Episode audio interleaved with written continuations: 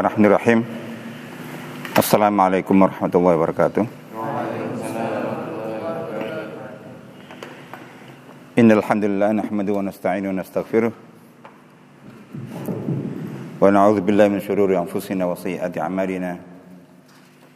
May yahdihillahu fala mudilla lahu wa may yudlil fala hadiya lahu. Wa asyhadu an la ilaha illallah wahdahu la syarika lahu wa asyhadu anna Muhammadan 'abduhu wa rasuluh. صلى الله عليه وعلى آله وصحبه وسلم تسليما كثيرا أما بعد uh, baik kita lanjutkan masih kita masih berbicara tentang uh, mukadimah seputar fikih uh, terkait dengan mengenal apa itu fikih atau fikih itu apa Eh, kita sudah sebutkan sebelumnya tentang arti dan definisi istilah fikih secara etimologi, secara bahasa, kemudian secara istilah, baik maknanya secara umum, menyeluruh maupun makna dan definisinya secara khusus. Nah, dalam pembahasan kita ini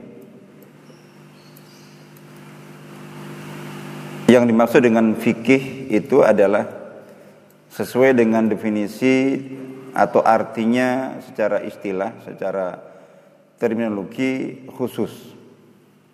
Yang kemarin sudah kita sebutkan ilmu tentang hukum-hukum syar'i praktis implementatif yang digali yang diambil dari dalil-dalilnya secara rinci dan detil. Jadi ada tiga hal minimal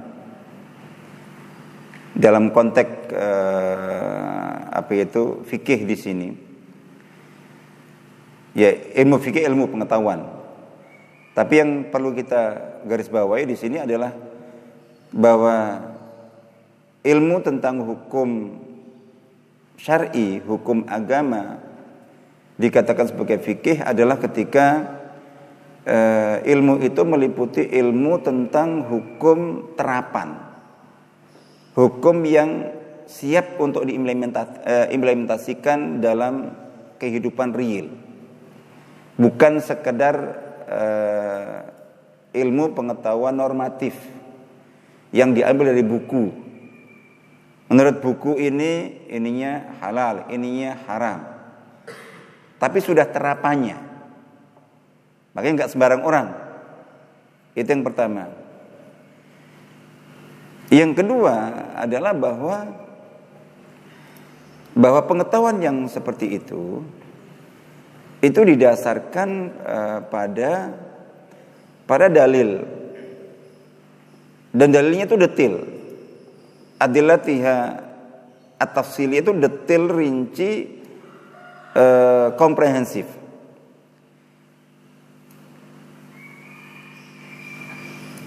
Ya Qur'annya, ya sunnahnya, ya kalau memang ada kias-kiasnya, ada ijma'-ijma'nya.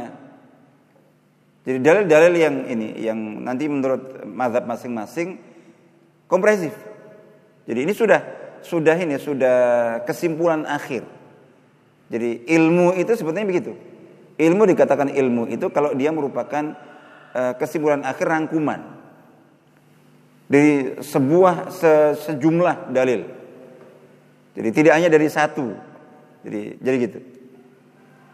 Sudah konklusi, sudah kesimpulan, hasil penelitian, nah ini ilmu. Jadi ilmu kalau kalau masih masih dalam proses itu biasa dikatakan teori.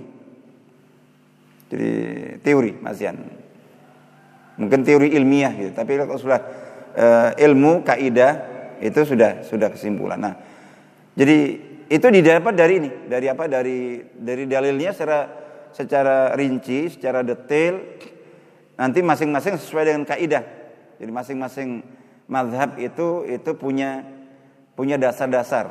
Nanti saya apa itu eh, gambarkan secara umum. Jadi dasarnya untuk sampai kepada ilmu tadi itu bukan hanya uh, satu dua dalil. Nah tadi tidak hanya teori tapi juga prakteknya. Tidak hanya Quran sunnahnya secara dalil tapi juga secara uh, apa? Secara fikul wakiknya. Jadi kondisi lapangannya seperti apa? Ambil sebenarnya salah seorang ulama uh, mengeluarkan fatwa tentang hukum apa? Hukum cangkok organ tubuh atau hukum uh, apa itu bayi tabung atau hukum apa dalam ilmu kedokteran. Itu tidak cukup uh, ulama ini, mufti ini itu mendasarkan fatwanya dari Quran, hadis terus kitab klasik para ulama. Dia juga harus mendasarkan ilmunya pada ini fakta lapangannya berdasarkan ilmu kedokteran itu seperti apa. Kalau kalau apa kalau sang mufti itu sekaligus di samping dia adalah alim syariah, dia juga dokter ahli spesialis.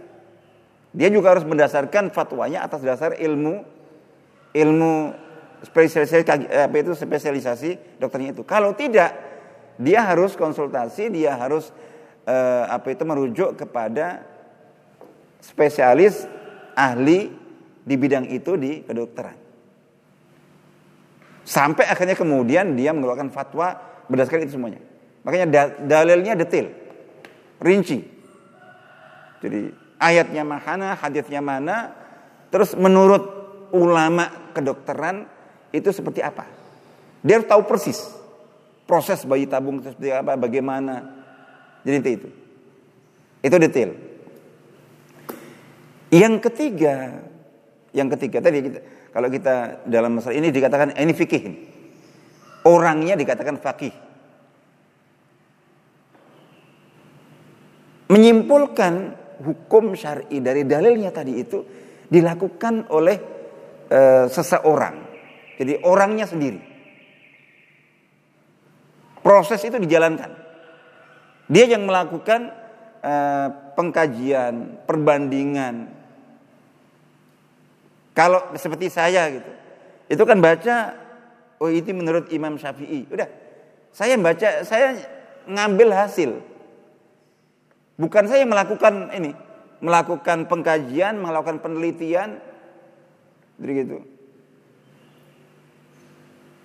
Tapi ulama merekanya ibaratnya kayak contoh tafsir. Saya misalnya eh, apa itu mengisi kajian tafsir. Saya menyampaikan tafsir ayat ini begini. Itu bukan saya mufasirnya. Saya menyampaikan tafsir Ibnu Katsir. Ini tafsirnya Imam Ibnu Katsir. Tergantung buku yang saya pakai. Ini saya menyampaikan ayat itu. Saya misalnya ya sekarang kajian fikih. Itu saya bukan fakihnya. Saya baca kitab fikih, ya itu. Jadi mereka yang mengkaji, meneliti, saya menyampaikan. Ini loh kesimpulan mereka. Makanya biasanya karena kita tidak bertumpu pada satu madhab, e, nanti akan kita sampaikan bahwa menurut madhab ini begini. Menurut madhab ini, nah itu saya menceritakan, meriwayatkan ilmu fikih, bukan saya fakihnya.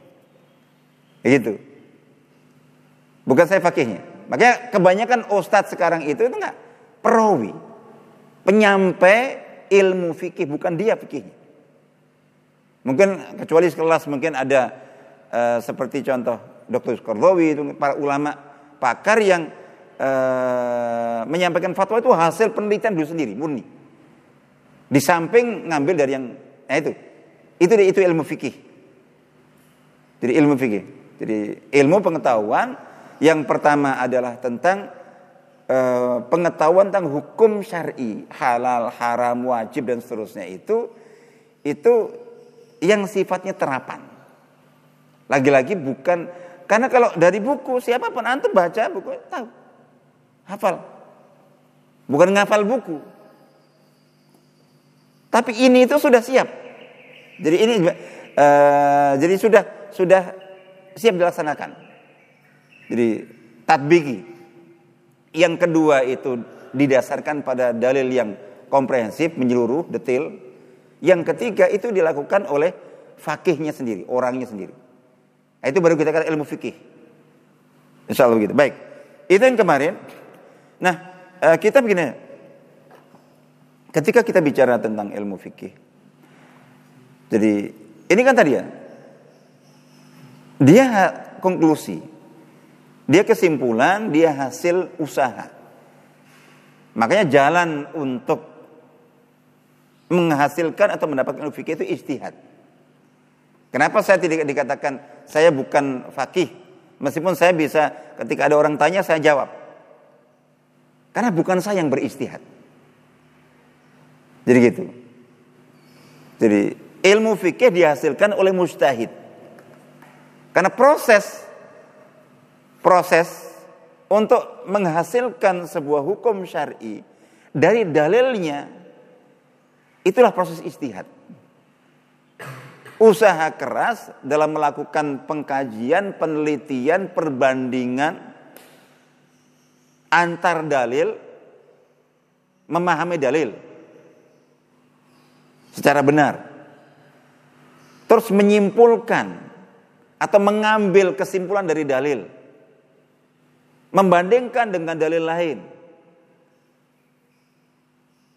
Setelah itu dikaitkan dengan kondisi situasi di mana hukum itu nanti mau diterapkan. Yang terakhir ada perbandingan dengan pendapat lain. Jadi gitu.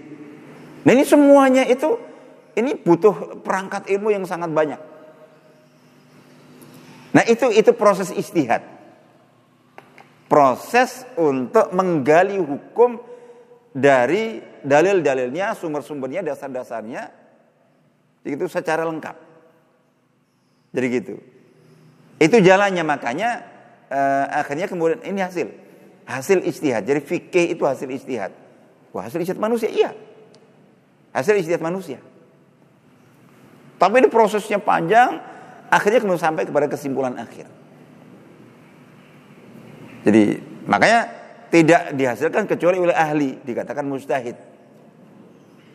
Nah itu kemudian menghasilkan. Nah dari situ kemudian terus berarti banyak itu yang namanya hasil fikih itu. Iya. Jadi nah itu yang kemudian eh, hasil-hasil apa itu istihad yang berupa ilmu fikih itu yang kemudian membentuk madhab.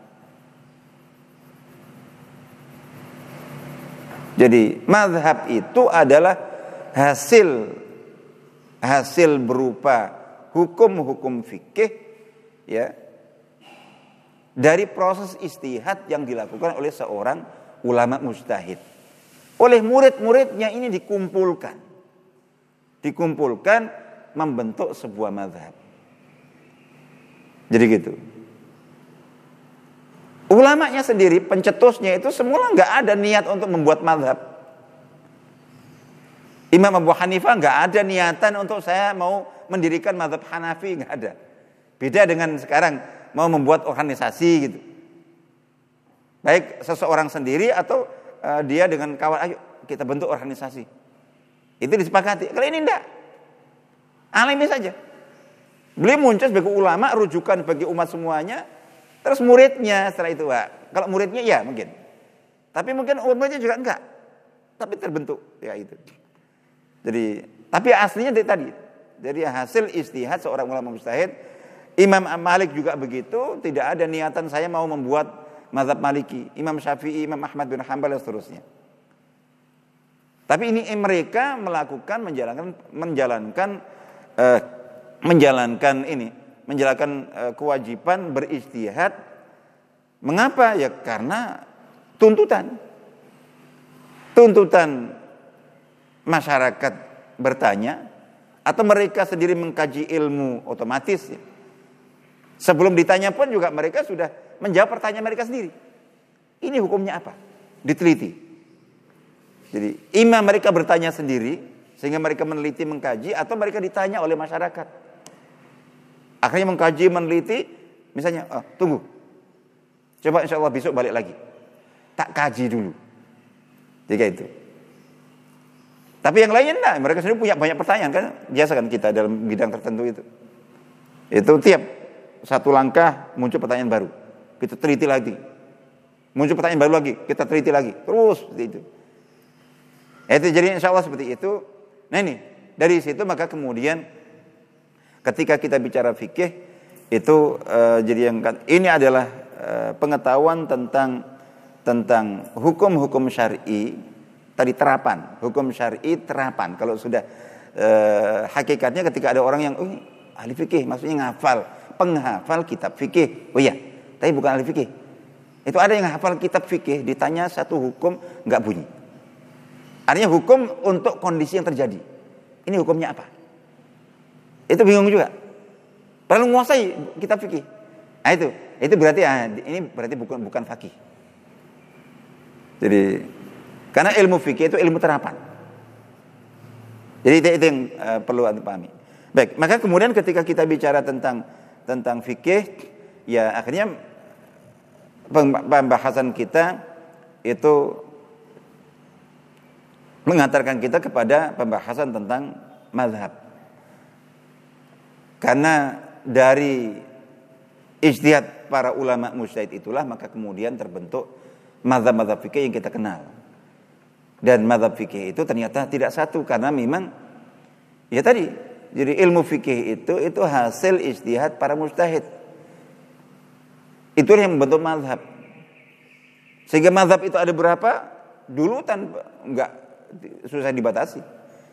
Ya sebanyak ulama madhab yang ada pada zaman itu. Bisa ratusan, bisa ribuan. Zaman ketika zaman Imam Abu Hanifah, zaman Imam Malik, zaman Imam Syafi'i, zaman Imam Ahmad, Ahmad bin Hambal, itu para ulama mujtahid ratusan, mungkin bahkan sampai tembus angka ribuan. Aslinya masing-masing mereka ini pemilik mazhab. Tapi seperti yang tadi kita sebutkan, terbentuknya mazhab di samping tidak diniatkan oleh mereka. Itu itu faktor kedua. Ini ada murid-murid khusus yang akhirnya merangkum, menghimpun, mengumpulkan. Jadi gitu. Jadi ulama-ulama itu punya pelanjut, murid-murid spesial yang melanjutkan menjaga ilmunya, terus yang menghimpun. Nah ini nggak semua ulama. Jadi gitu. Semua ulama punya punya murid. Tapi yang spesial menjaga ilmu gurunya itu, nah ini yang enggak yang yang apa yang nggak selalu ada di semua ini. Jadi seperti Abu Hanifah, Malik, Syafi'i, Ahmad bin Hambal itu punya. Ini punya uh, murid-murid, muridnya punya murid lagi terus. Ini akhirnya mereka itu menghimpun, memberikan perhatian khusus uh, terhadap apa itu ilmu warisan gurunya, terus dikumpulkan. Akhirnya kemudian muridnya itu yang menulis menulis buku-buku fikih berdasarkan hasil kajian eh, apa ulama dari jalur itu. Terbentuklah mazhab fikih Hanafi, Maliki, Syafi'i, Hambali. Nah, mengapa kemudian ada perbedaan? Nanti akan kita bahas secara khusus fikul ikhtilaf. Tapi secara dasar jadi perbedaan itu merupakan konsekuensi logis dari proses istihad. Sudah, gampangnya begitu. Jadi sebuah satu bidang begitu dibenarkan di situ ada istihad. Istihad itu apa? Ya masing-masing berusaha untuk mengkaji dan menyimpulkan sesuai dengan syarat-syaratnya. Itu dari dari dari pengalaman orang kan berbeda-beda. Latar belakang orang berbeda-beda. Cara berpikir orang berbeda-beda. Begitu udah, silakan. Silakan antum apa itu pelajari masalah ini coba. Menurut antum bagaimana? Antum mikir terus mengumpulkan berbagai itu. Antum jawab itu. Jadi begitu suatu bidang dibenarkan untuk ada istilah di situ, itu artinya berarti dibenarkan potensi adanya perbedaan. Sudah, nggak mungkin tidak. Apalagi nanti kita akan akan ini akan bahas faktor-faktor penyebab perbedaan banyak sekali. Nah dari situ artinya bahwa mengapa kok ada perbedaan antar mazhab? Kenapa mengapa muncul mazhab Hanafi beda dengan Mali eh, eh beda dengan Maliki, beda dengan Syafi'i, beda dengan Hambali itu itu karena ini semuanya hasil ijtihad para ulama itu. Kalau suatu masalah kemudian eh, apa itu ditolerir atau dibuka pintu ijtihad di dalamnya, artinya pasti ada perbedaan, nggak mungkin tidak. Jadi gitu.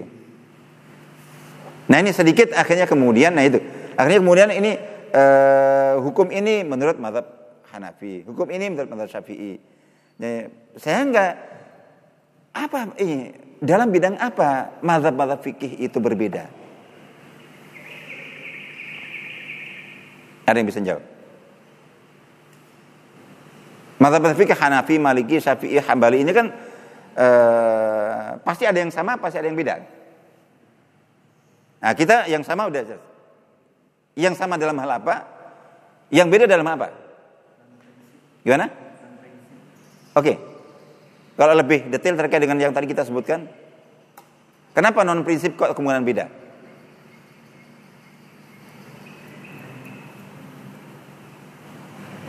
kondisi masyarakatnya berbeda. Gimana? Kondisi masyarakat Itu penyebab. Penyebab yang agak detail. Tadi yang sedang baru saja tadi kita sebutkan. Dalam kaitan dengan istihad non istihad. Syarat syah ibadah. Kenapa? Syarat syah Siapa? syarat syarat syah Heeh. ibadah yang tidak disebut. Iya, itu itu itu contoh, itu contoh. Contoh untuk contoh. Enggak, ini eh, penyebab artinya bahwa eh, jadi mengapa dalam apa misalnya dalam hal prinsip berarti kan prinsip antar mazhab itu sepakat gak akan berbeda. Jadi itu tentang kewajiban sholat, tentang sholat rukun Islam, sholat dalam sehari itu lima waktu, sholat itu diawali dengan takbir, diakhiri dengan salam, sholat itu ada al-fatihah, kayak gitu ada berdiri, ruku, itu semua mazhab sepakat, nggak ada perbedaan sama sekali. Itu prinsip. Nah yang usoli nggak usoli, kayak gitu. Angkat tangan setinggi apa? Terus nanti eh, sedekap atau tidak pada saat berdiri. Kalau sedekap, sedekapnya seperti apa? Segini, gini, gini. Terus baca iftitah itu Allah Allah Akbar kabira atau Allah mabait baini. Terus sampai salam. Setelah salam itu doa. Itu doa itu sendiri-sendiri atau atau bareng-bareng dipimpin. Jadi setelah salat fardu itu waktu kita doa angkat tangan atau tidak. Itu beda antar mazhab. Nah, mengapa yang prinsip ini eh, sepakat, yang ini beda? Betul. Tapi lebih itu itu salah satu faktor penyebab. Nanti ada ada faktor-faktor penyebab satu, dua, tiga. Tapi saya ingin rangkumannya. Karena kalau itu ada begitu. Kenapa madhab Maliki beda dengan madhab Syafi'i dalam masalah ini? Karena madhab Maliki punya punya dalil yang tidak dipakai oleh madhab Syafi'i. Amal penduduk Madinah. Ya gitu. Kenapa madhab, madhab, empat madhab ini beda dengan madhab Zahiri? Karena empat madhab memakai kias sebagai dalil. Zahiri nggak pakai kias. Nah, gitu. itu itu detail. Saya ingin lebih tadi. Oke. Jadi karena faktor istihad. Hal-hal non prinsip itu dibolehkan istihad di situ. Tadi kan sudah saya katakan, Pak. Begitu dibolehkan istihad pasti beda. Dalam hal prinsip gak ada istihad. Tidak boleh ada istihad dalam prinsip. Sami'na wa ta'ana sudah. Ada orang-orang keblinger sekarang itu yang tentang rukun iman masih diistihati. Direnungkan, dikaji. Oh ternyata rukun iman bukan enam, tapi tujuh atau lima. Rukun Islam bukan lima. Sholat bukan lima waktu. Itu udah nggak boleh. Nggak ada pintu istihad di situ. Nah gitu. Sementara tentang tadi itu, itu terbuka pintu istihad tanpa batas. Nah dalam beristihad, ah, maka kias. Dalam beristihad memahami dalil begini. Dalam beristihad, nah, kayak gitu. Itu itu detail nanti penyebab. Ijtihad dalam masalah ibadah. Ibadah pun kan itu. Jadi detailnya kayak gitu. Jadi mengapa kok antar mazhab itu ini dalam bidang apa? Dalam bidang yang dibenarkan ijtihad di situ masalah non prinsip. Jadi gitu. Nah nanti faktor penyebabnya banyak. Nanti itu. Ada dalil yang berbeda-beda. Termasuk ijma. Jadi ijma itu ada ijma hakiki. Uh, apa? Ijma yang di jadi ada ijma yang disepakati, ada ijma yang nggak disepakati. Padahal ijma itu kesepakatan. Maksudnya ada klaim ijma. Jadi, jadi ada ijma beneran, bang semua sepakat. Ada klaim ijma. Jadi seorang satu mazhab mengklaim ini ijma. Ternyata mazhab lain nggak setuju. Enggak, itu nggak ada ijma, nggak ada ijma. Ada ulama lain sini berbeda kok. Dalam masalah ijma, dalam pemakaian kias. Nanti ada beberapa dalil. Baik, jadi insya Allah itu, nah sedikit uh, ini nanti dari sini kita akan akan membahas. Nah uh, sedikit aja di kalau di dalam apa di situ ada poin beberapa karakteristik fikih saya kira bisa dibaca saja. Nah, cuman ketika kita baca, uh, bicara tentang hukum fikih itu biasanya yang terkenal itu yang namanya hukum fikih yang merupakan kesimpulan dari tadi istihad para ulama fikih atau para ulama mustahid itu biasanya dikenal ada lima. Jadi uh, al-ahkam al-fiqhiyah al-khamsah atau ahkam al-fiqh al-khamsah. Lima itu adalah uh, apa itu? Ada hukum wajib. Yang kedua itu adalah mandub atau mustahab atau sunnah. Yang terkenal e, bagi kita sunnah tapi dalam kitab-kitab itu dua. Antara mandub dan mustahab. Karena sunnah itu e, lebih tertuju kepada apa itu? Pemakaian sunnah bid'ah. Jadi gitu. Di sini kalau dalam ilmu fikih bukan lawannya sunnah adalah bid'ah. Lawannya sunnah makruh. Nah, itu pemakaian sunnah lebih banyak ke sunnah Nabi dalam arti hadis atau dalam asal akidah sunnah bid'ah. Jadi makanya dalam hukum fikih uh, umumnya nggak dipakai sunnah, tapi dipakai mandub atau mustahab. Jadi suatu amal atau sesuatu dianjurkan tapi tidak sampai wajib. Di bawahnya wajib. Jadi lebih baik dilakukan. Nah, gitu. Itu itu mandub atau mustahab. Kemudian yang ketiga mubah yang keempat makruh, yang ketiga lawan dari wajib haram. Nah itu eh, itu hasil ketika ini kadang-kadang ada antar mazhab bisa beda.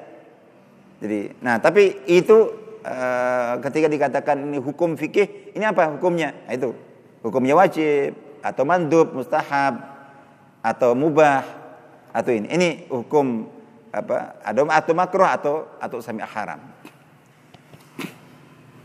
Tapi hasil dari dari apa? Dari ini dari ilmu fikih tentu bukan hanya itu karena ini ini dalam konteks ahkam.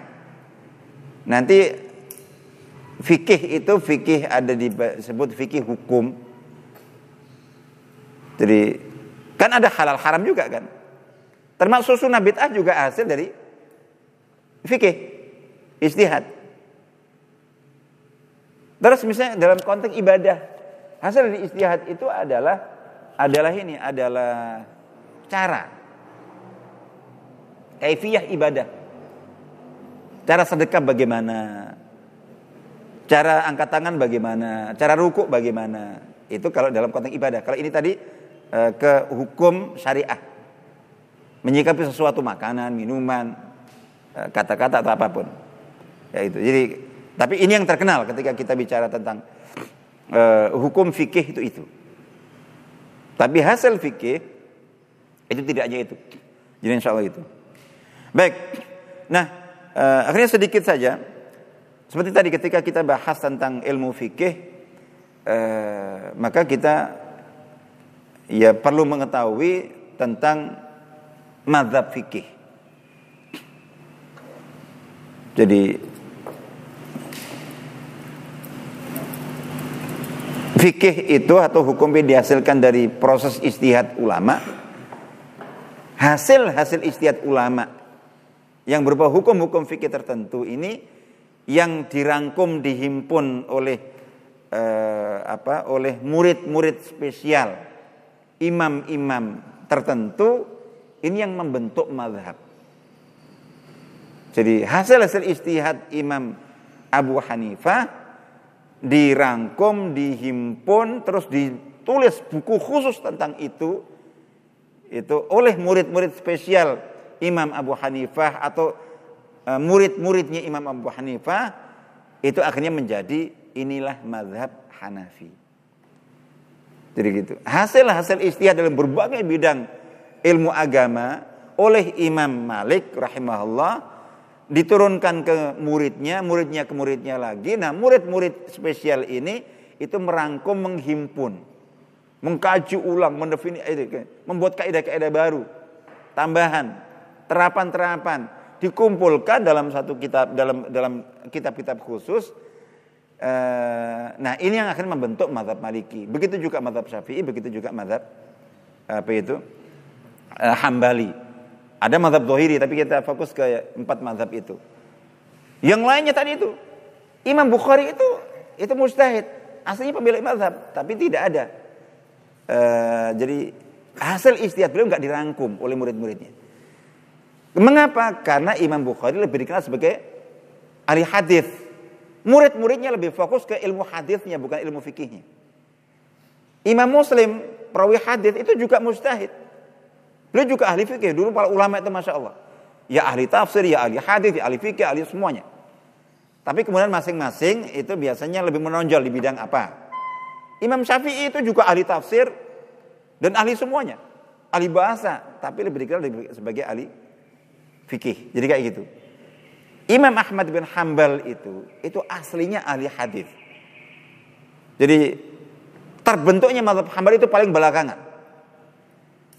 Jadi setelah Imam Ahmad bin Hanbal wafat mungkin satu dua abad itu beliau masih lebih dikenal sebagai ahli hadis.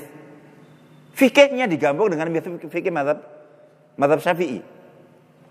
Karena beliau dalam madhab Syafi'i dalam uh, fikih itu sebenarnya lebih ber, apa, bermakmum kepada Imam Syafi'i. Lebih dekat dengan Imam Syafi'i daripada padahal beliau tinggal di Baghdad. Baghdad itu kotanya madhab Hanafi. Tapi rupanya memang apa ya? Jadi e, kekaguman beliau kepada Imam Syafi'i padahal ketemu cuman cuman nggak lama. Beliau tinggal di Baghdad asli, lahir di Baghdad, tinggal di Baghdad. Terus Imam Abu Hanifah dan Mazhab Hanafi itu juga di Baghdad. Tapi rupanya interaksi beliau itu dengan ulama-ulama mazhab Hanafi kayaknya uh, tidak intens. Karena beliau fokus di ilmu hadisnya. Jadi gitu. Nah, ada faktor penyebab lain. Jadi mazhab Hanafi itu dikenal sebagai mazhab yang uh, ulama hadisnya minim. Jadi gitu. Pada saat itu. Uh, terus kemudian Nah itu begitu Imam Syafi'i datang ke Baghdad, nggak lama. Iya, bukan kok harian ya, tahunan tapi ya bisa dihitung apakah dua atau tiga tahun. Agak ini, agak apa itu? Jadi kalau nggak salah dua atau tiga kali rentang waktu yang berbeda-beda. Kalau dikumpulkan tadi antara dua tiga tahun. Sementara kan mazhab Hanafi ulama-ulamanya itu ada Muhammad bin Hasan Syaibani, ada Abu Yusuf itu itu masya Allah. Memang tinggal di sana. Tapi Imam eh, Ahmad bin Hambal itu akrab dengan Imam Syafi'i dalam waktu yang singkat. Wah itu masya Allah. Jadi apa itu? Itu sehingga mazhabnya lebih banyak. Sebetulnya mazhab Hambal itu lebih dekat ke mazhab Syafi'i. Makanya mestinya masyarakat Indonesia itu seharusnya paling dekat dengan masyarakat Saudi. Indonesia itu mayoritas mazhab Syafi'i, Saudi itu mazhab Hambali. Mestinya. Tapi faktanya ternyata enggak. Biasanya kita yang alumni Saudi itu kalau pertama kali datang itu dicurigai malah. Jadi padahal kan paling banter seandainya dulu kita berangkat ke sana ke Madinah misalnya itu bermadhab Syafi'i, paling banter kita ganti madhab Hambali. Dan dekat sebetulnya secara umum. Wong dulu itu madhabnya Ahmad bin Hambal itu lebih dikatakan madhabnya itu aslinya Syafi'i. Tapi kemudian murid-muridnya akhirnya e, mengkaji ulang, menghimpun, merangkum, akhirnya agak berbeda. Tapi dalam berbagai masalah itu paling dekat dibanding dengan antara madhab Syafi'i dengan madhab e, oh Maliki dengan madhab Maliki sendiri. Padahal beliau Imam Syafi'i itu muridnya Imam Malik.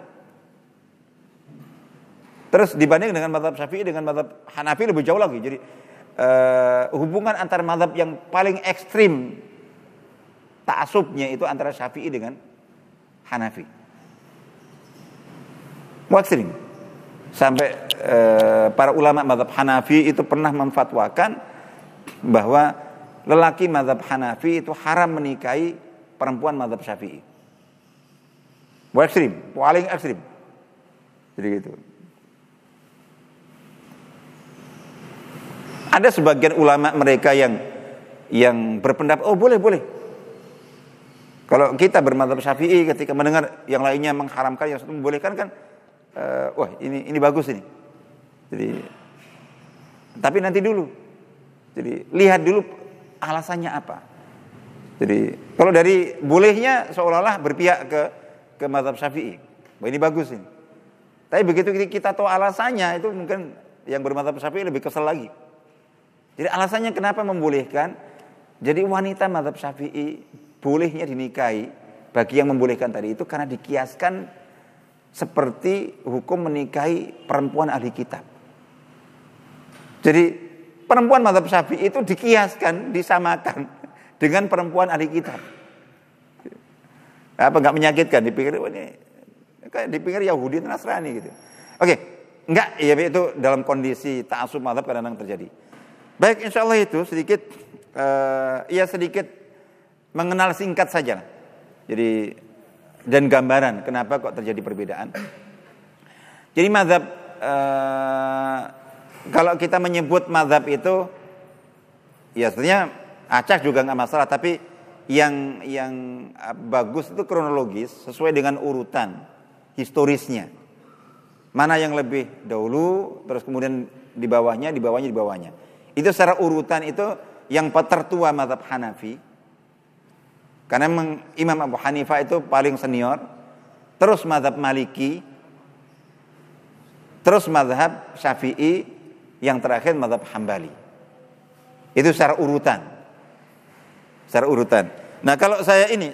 Eh, apa itu sedikit saja. Madhab Hanafi. Nama-nama madhab ini itu dinisbatkan ke pemiliknya.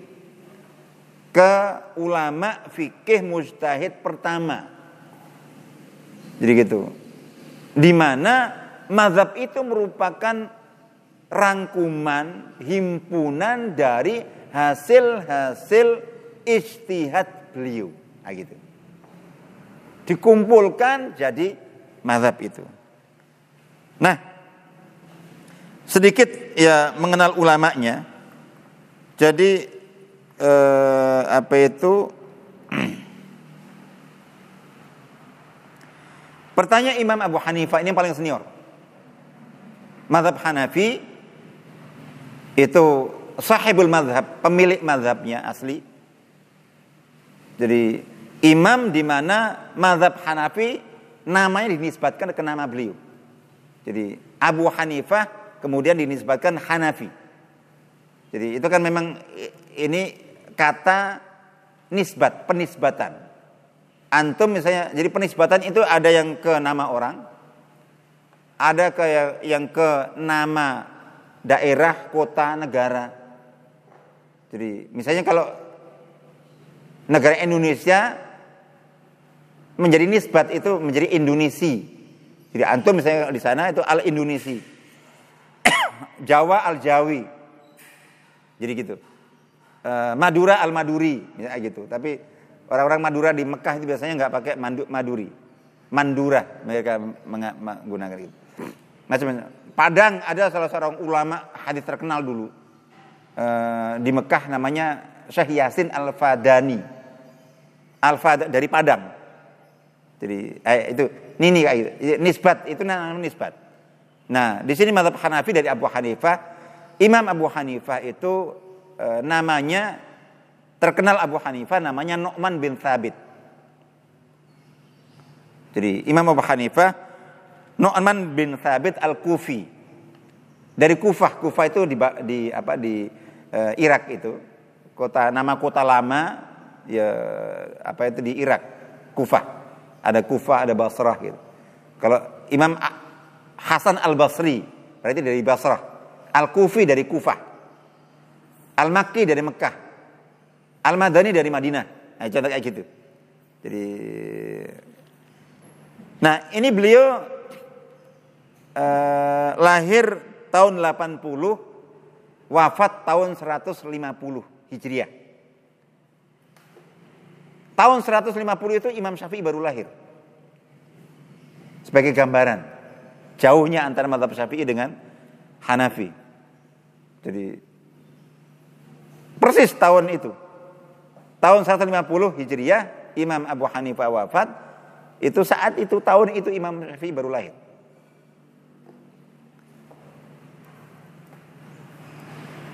Ya ini ulama yang kalau ulama itu jadi Imam Syafi'i sampai mengatakan bahwa eh, man ahabba atau arada ayatabahar fil fikhi fahuwa irun ala Abi Hanifah. Jadi kalau siapa pun yang ingin eh, ingin apa? ingin dalam ilmunya tentang fikih berarti dia harus eh, apa belajar pada Imam Abu Hanifah. Jadi salah satu kekuatan Imam Abu Hanifah itu dalam kias. Ilmu analogi. Itu kuat sekali. Jadi sampai Imam Malik itu pernah menyampaikan eh, kepada murid-muridnya, kalian belum tahu siapa Abu Hanifah. Jadi kehebatan Abu Hanifah itu dalam ilmu kias. Jadi menjelaskan suatu berdasarkan kias itu sampai beliau menggambarkan. Seandainya beliau mengatakan, jadi ini tiang waktu di, di Masjid Nabawi kan, Imam Malik kan di Madinah. Di Masjid Nabawi, ini tiang Masjid Madinah ini. Itu beliau gambarkan kepada kalian bahwa ini dari emas. Itu kalian akan meyakini, oh iya betul dari penat, dari emas. Itu saking nggak tahu gimana caranya gitu. Nggak ini untuk untuk bagaimana menjelaskan. Artinya kalau sudah menghadapi beliau udah mungkin nggak mudah. Jadi siapa pun debat dengan Abu Hanifah itu mending menyerah duluan. Itu kuatnya ilmu mantiknya, ilmu logikanya, ilmu tadi analoginya itu. Sampai tadi itu bahwa beliau menggambarkan bahwa tiang Masjid Madinah dari dari emas, kalian akan akan ikut beliau. Setuju? Oh iya, dari emas. Padahal bukan emas. Saking kuatnya apa itu kan ada kan orang yang kuat dalam masalah itu. Uh, bukan ilmu ini, bukan ilmu apa? Ilmu apa istilahnya? Yang buat orang kayak gendam atau kayak apa kayak gitu. Ilmu apa itu? Jadi yang sekarang biasa dipakai untuk mempengaruhi orang Jadi sampai bisa eh? hipno kayak hipno terapi hipnotis kayak gitu. Bukan, bukan hipnotis. Tapi memang saking kuatnya dalam itu. Oke. Itu dari beliau dari Baghdad. nanti kita akan ini. Bah, itu aja. Kalau kita cerita tentang detail panjang nanti. Uh, sementara Imam Malik mengenal itu ya. Imam Malik namanya uh, Malik bin Anas. Uh, kalau kunyahnya Abu Abdullah. Masih ada abunya. Kalau ada Abu Hanifah ini Abu Abdullah Malik bin Anas uh, Al-Asbuhi. Jadi Imam Abu Abdullah Malik bin Anas Al-Asbuhi itu beliau lahir tahun 93 Hijriah ya. Wafat tahun 179. Ini apa itu? Kalau tadi Ibu Abu Hanifah 80 itu 150. Berapa usianya berarti? 70 tahun. Ini Imam Malik lebih tua lagi. Ya, lebih tua dikit. 93 179. Hah? 86. Jadi beda ini. Nanti ada yang lebih ini. Imam Malik ini dikenal sebagai imam penduduk Madinah. Sampai ada ungkapan terkenal kalau uh, beliau ada di Madinah itu ibaratnya nggak ada yang berani berfatwa. Ada ungkapan layuf tawa malikun fil Madinah. Tidak ada yang boleh berfatwa sementara Imam Malik ada di kota Madinah. Padahal beliau nggak pernah ke mana-mana. Rata-rata ulama itu keliling untuk menguasai ilmu yang banyak itu. Imam Syafi'i Imam Syafi'i itu lahir di Gaza. Dua tahun dibawa ibundanya dalam keadaan sudah yatim ke kota Mekah. Jadi kecil belajar ilmu, ngafal Quran, ngafal hadis, ngafal kitab-kitab itu sampai usia belasan tahun itu di Mekah. Terus meguru ke Imam Malik di Madinah sampai Imam Malik wafat pindah ke Madinah. Setelah dari Madinah sempat pindah ke Yaman. Terus ke Baghdad, jadi gitu. Eh, ini Baghdad ini bolak-balik, Baghdad, Mekah, Baghdad, Mekah gitu. Nah, di situ ketemu Imam eh, Ahmad bin Hambal, ketemu juga murid-muridnya Imam Abu Hanifah. Kalau Abu Hanifah nggak ketemu, misalnya waktu Imam Abu Hanifah wafat beliau baru lahir. Tapi masih ketemu dengan guru-guru spesialnya Abu Hanifah. Ada dua yang terkenal eh, muridnya Imam Abu Hanifah yang mewarisi madhabnya yang pertama itu Hakim Agung zaman itu Abu Yusuf namanya. Ini yang menampung Imam Syafi'i pada saat beliau tinggal di Baghdad. Yang kedua Imam Muhammad Muhammad bin Hasan al Syaibani.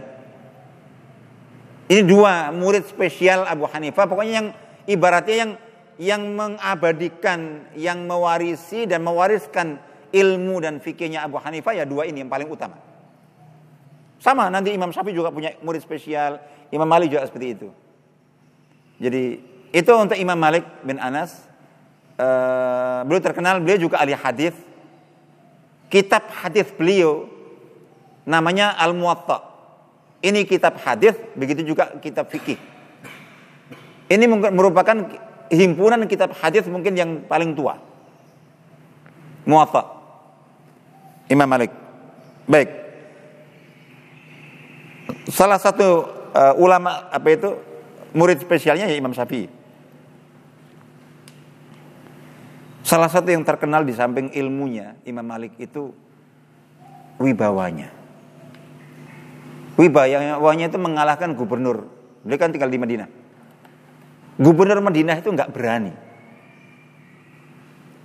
Kok ngundang, mang, apalagi manggil Imam Malik supaya datang. Kalau ada keperluan itu gubernur yang harus datang ke rumahnya Imam Malik. Dan itu bisa diizinkan, bisa tidak. Ditolak pulang. Ini gubernur. Imam Syafi'i itu ketika apa ke Madinah untuk belajar pada Imam Malik, Ini usia belasan tahun. Itu membawa uh, apa itu rekomendasi dari gubernur Mekah ke gubernur Madinah supaya nanti dapat perhatian khusus dari Imam Syafi'i, Imam Malik. Oke, bawa menghadap ke gubernur, tahu ini surat itu sudah baik. Nanti kita cari uh, cari waktu ke apa sowan ke rumahnya. Mudah-mudahan beliau memperkenankan kita dan mau menerima kita. Ini gubernur Medina. Imam Syafi'i yang belum paham itu heran.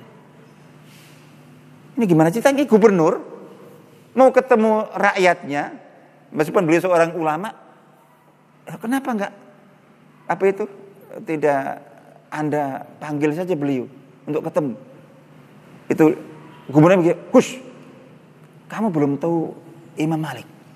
Kita datang terus diizinkan ketemu saja itu udah untung. Siapa yang berani manggil uh, Imam Malik katanya gitu? Ini gubernur.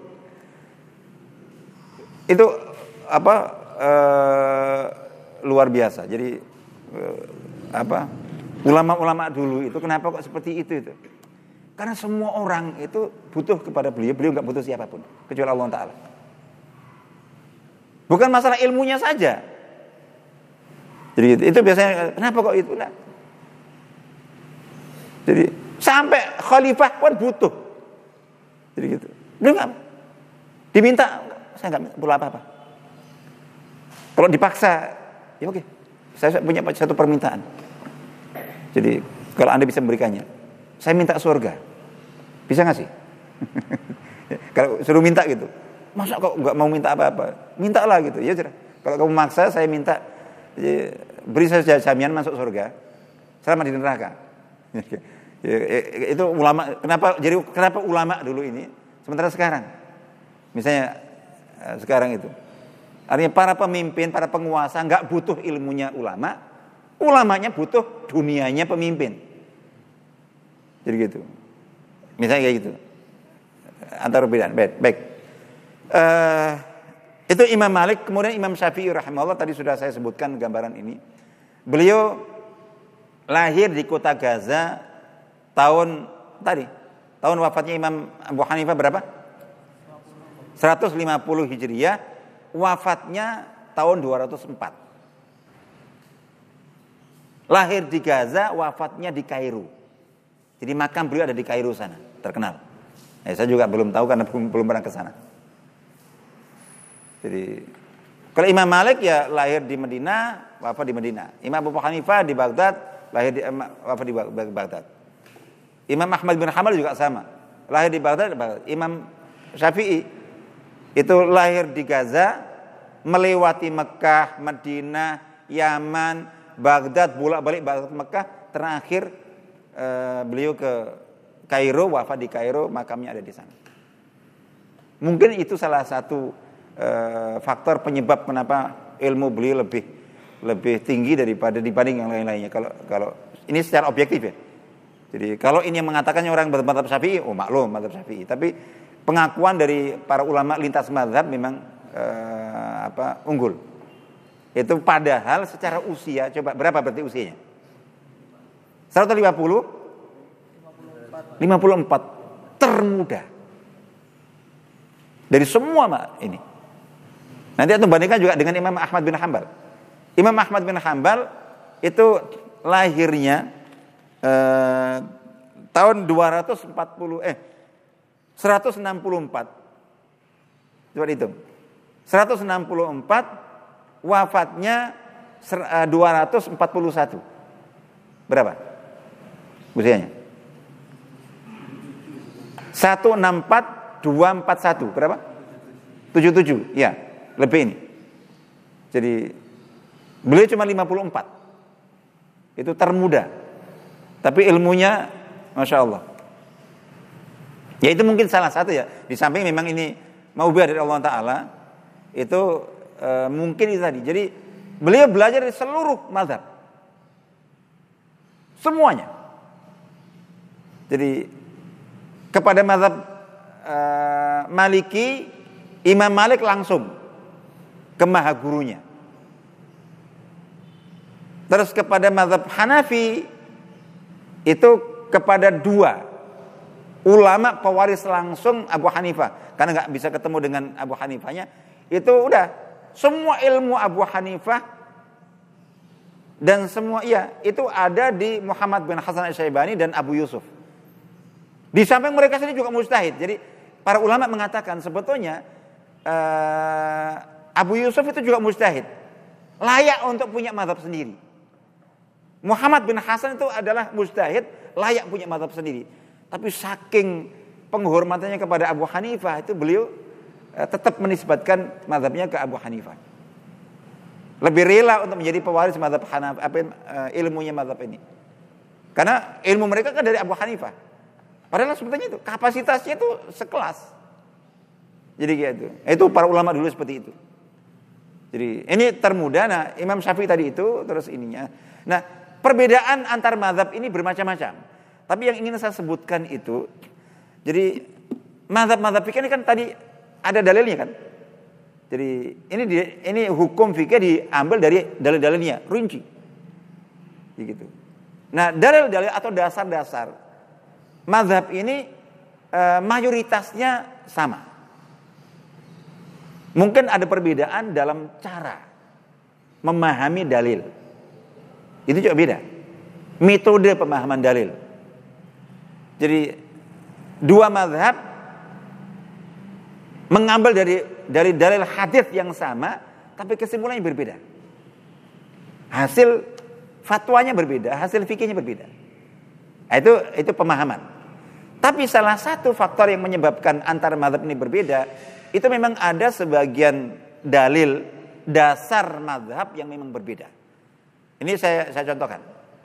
Jadi misalnya bahwa eh, masing-masing madhab itu ada ini, ada ada yang namanya usul madhab. Pokok atau dasar atau dalil madhab tertentu. Semua sepakat Quran, Sunnah, Ijma. Tiga itu sepakat. Tiga itu sepakat. Uh, tapi ada dalam mazhab ini, jadi misalnya sebagai contoh, ada di antara ini, ada di antara uh, dasar mazhab itu namanya istihsan. Istihsan itu maksudnya adalah anggapan baik. Jadi hal yang terjadi di sebuah masyarakat dan di masyarakat itu Mana ini tentu masyarakat muslim. Ya. Apa yang oleh masyarakat muslim dalam hal-hal yang tidak ada dalil khususnya dalam Quran Sunnah, terus masyarakat itu menganggapnya itu baik itu jadi dalil. Ada sesuatu yang eh, cara nyambut tamu, cara kayak gitu itu. Itu kalau suguhan misalnya gitu, itu kalau di Arab, jadi antum nyugui tamu teh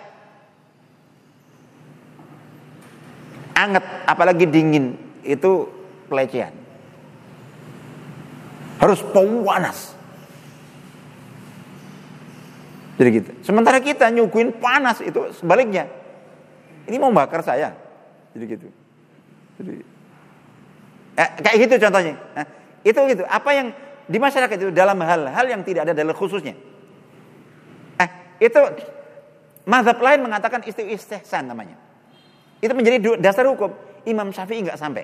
Nggak, Madhab Syafi'i nggak menggunakan. Contoh kayak gitu. Terus tadi yang saya contohkan. Madhab Maliki salah satu yang berbeda dengan madhab yang lainnya dalam hal dasar.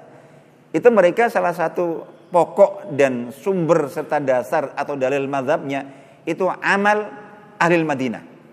Praktek penduduk Madinah. Ini ada pendapat-pendapat-pendapat itu Nah itu salah satu yang dijadikan sebagai pegangan mana pendapat yang sesuai dengan praktek penduduk Madinah. Itu yang dipakai. Mazhab lain nggak menggunakan itu. Mazhab lain nggak menggunakan itu.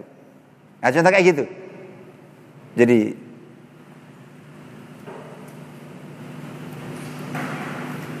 ada yang urut-urutan. Jadi, nah ini contoh seperti itu. Nah, terus juga faktor penyebab. Kalau mazhab Hanafi itu kan memang dominan ini. Dominan apa? Dominan kiasnya. Minim dalilnya. Mazhab Hambali karena pencetus mazhabnya itu ahli hadis. Itu kaya dengan riwayat hadis. Kalau dibanding dengan mazhab uh, Hanafi yang minim hadis.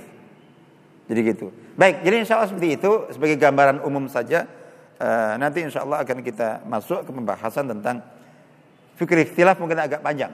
Mungkin nggak tahu antara uh, empat atau lima sesi itu untuk supaya kita bisa uh, apa itu memiliki pemahaman dan kemudian penyikapan yang proporsional dalam menyikapi perbedaan madhab yang pasti akan kita hadapi.